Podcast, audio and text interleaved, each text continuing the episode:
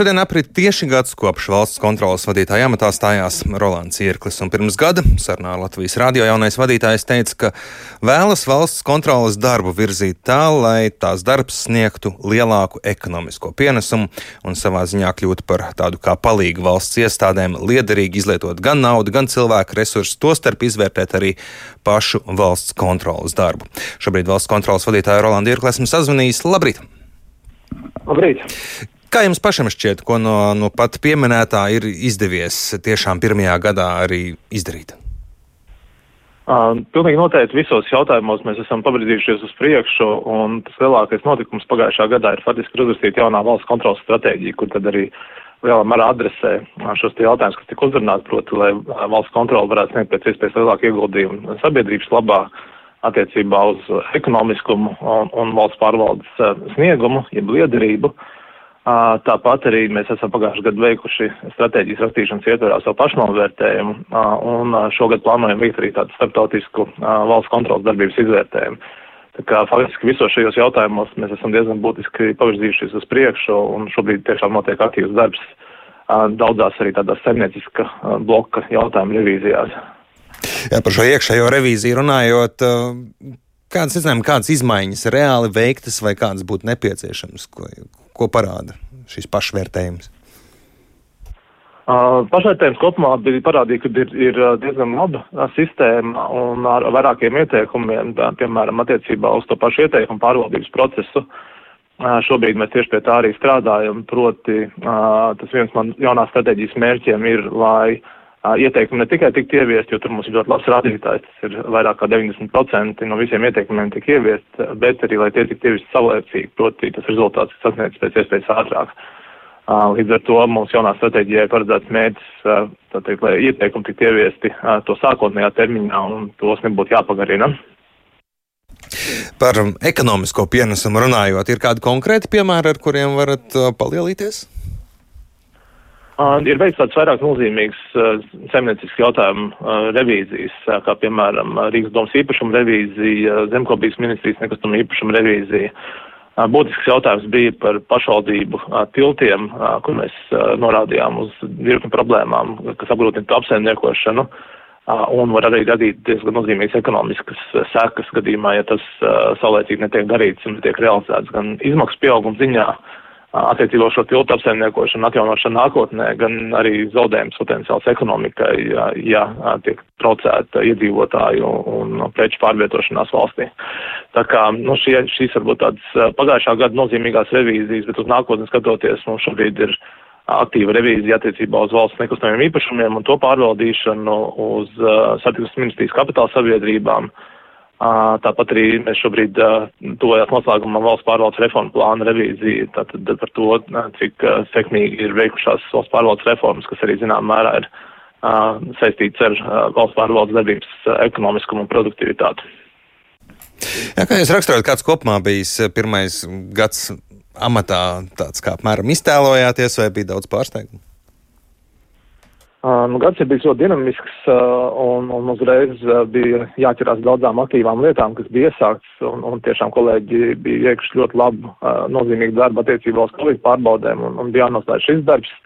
Pa 20. gadu arī šobrīd turpinās Covid izdevuma pārbaudes Un, uh, un kopumā tas lielākais notikums pagājušajā gadā bija stratēģijas rakstīšana. Tā kā liels darbs pie, pie uzsāktām revīzijām, plus, uh, un par noslēgšanas, plus arī jaunās stratēģijas rakstīšana, lai mēs varētu šogad uzsākt ar jaunu stratēģiju un, un virzīties pretī nosprostiem mērķiem.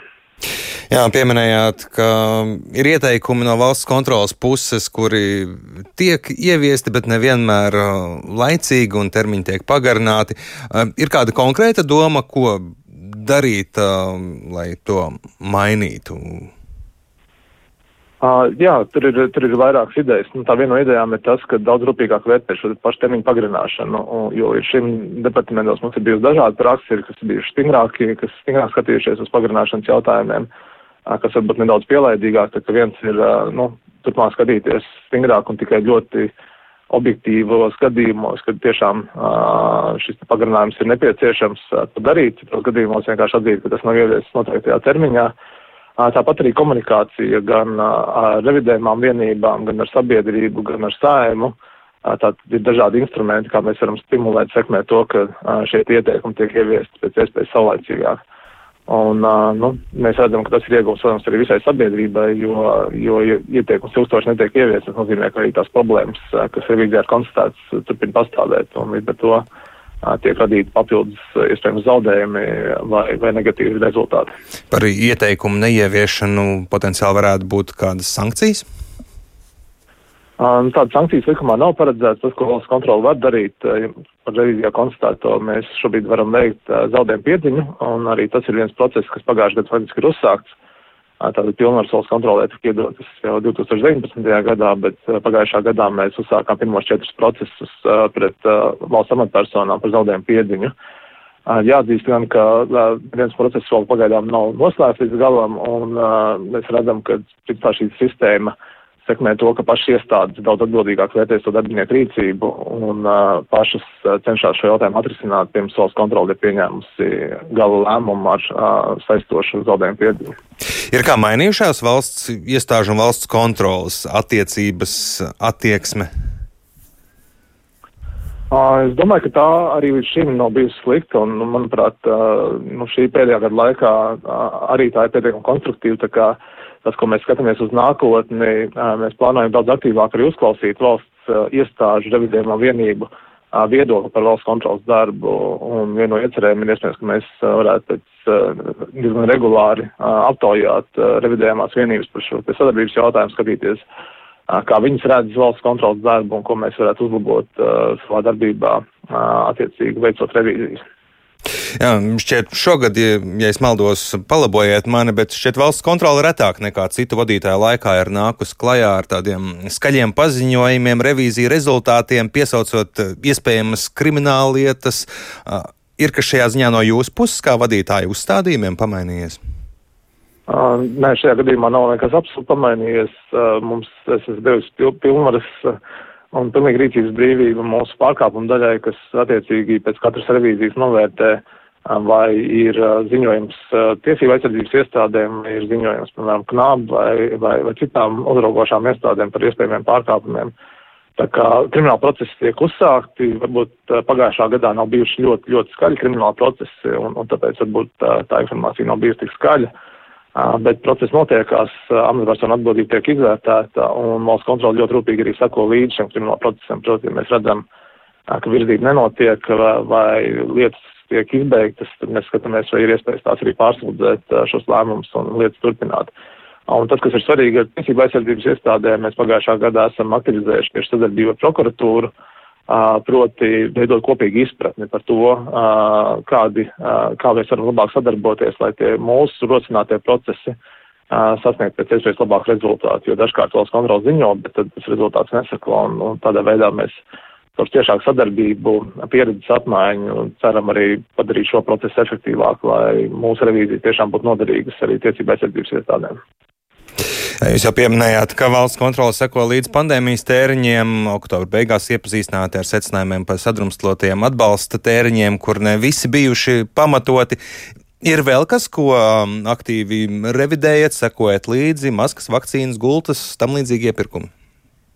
Uh, jā, mums šobrīd uh, tuvojas noslēgumam uh, starpziņojums par vakcinācijas procesu tieši no tāda pārvaldības viedokļa un organizācijas viedokļa. Tāpat arī vērtējam jautājumu par gultu, gultām piešķirtiem līdzekļiem. Šeit jāpiemina, ka tas nav tikai par gultām, bet par visu šo te kapacitātes stiprināšanu, jo nu, tur ir ne tikai gultas, bet arī dažādas ierīces, iekārtas, piemēram, intensīvās terapijas vajadzībām un tam līdzīgi. Šie arī ir mūsu klērumā, tā ka mēs šobrīd finanšu revīziju ietvaros vērtējam diezgan daudz tieši arī, arī Covid piešķīrums.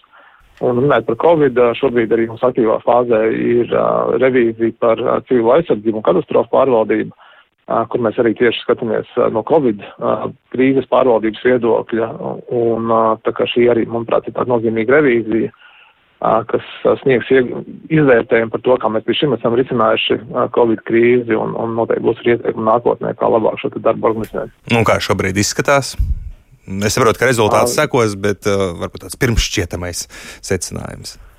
Nu, mēs par, parasti pirms revīzijām nenākam ar priekšsēdiem secinājumiem, jo, jo vēl ir jādod, būs iespēja arī, kā ziņojums vēl šobrīd nu, nav tādā stadijā, lai daudz varētu komentēt, un, un otrs arī pirms revīdējumā vienība redzējusi un skaņojusi uh, šo ziņojumu, tad, tad mēs parasti nekomunicējam šos jautājumus. Gaidīsim ziņojumu, tad par to runāsim noteikti vairāk, bet paldies par sarunu šorīt. Valsts kontrolieris, valsts kontrolas vadītājs Rolands Irklis ar mums sarunājās.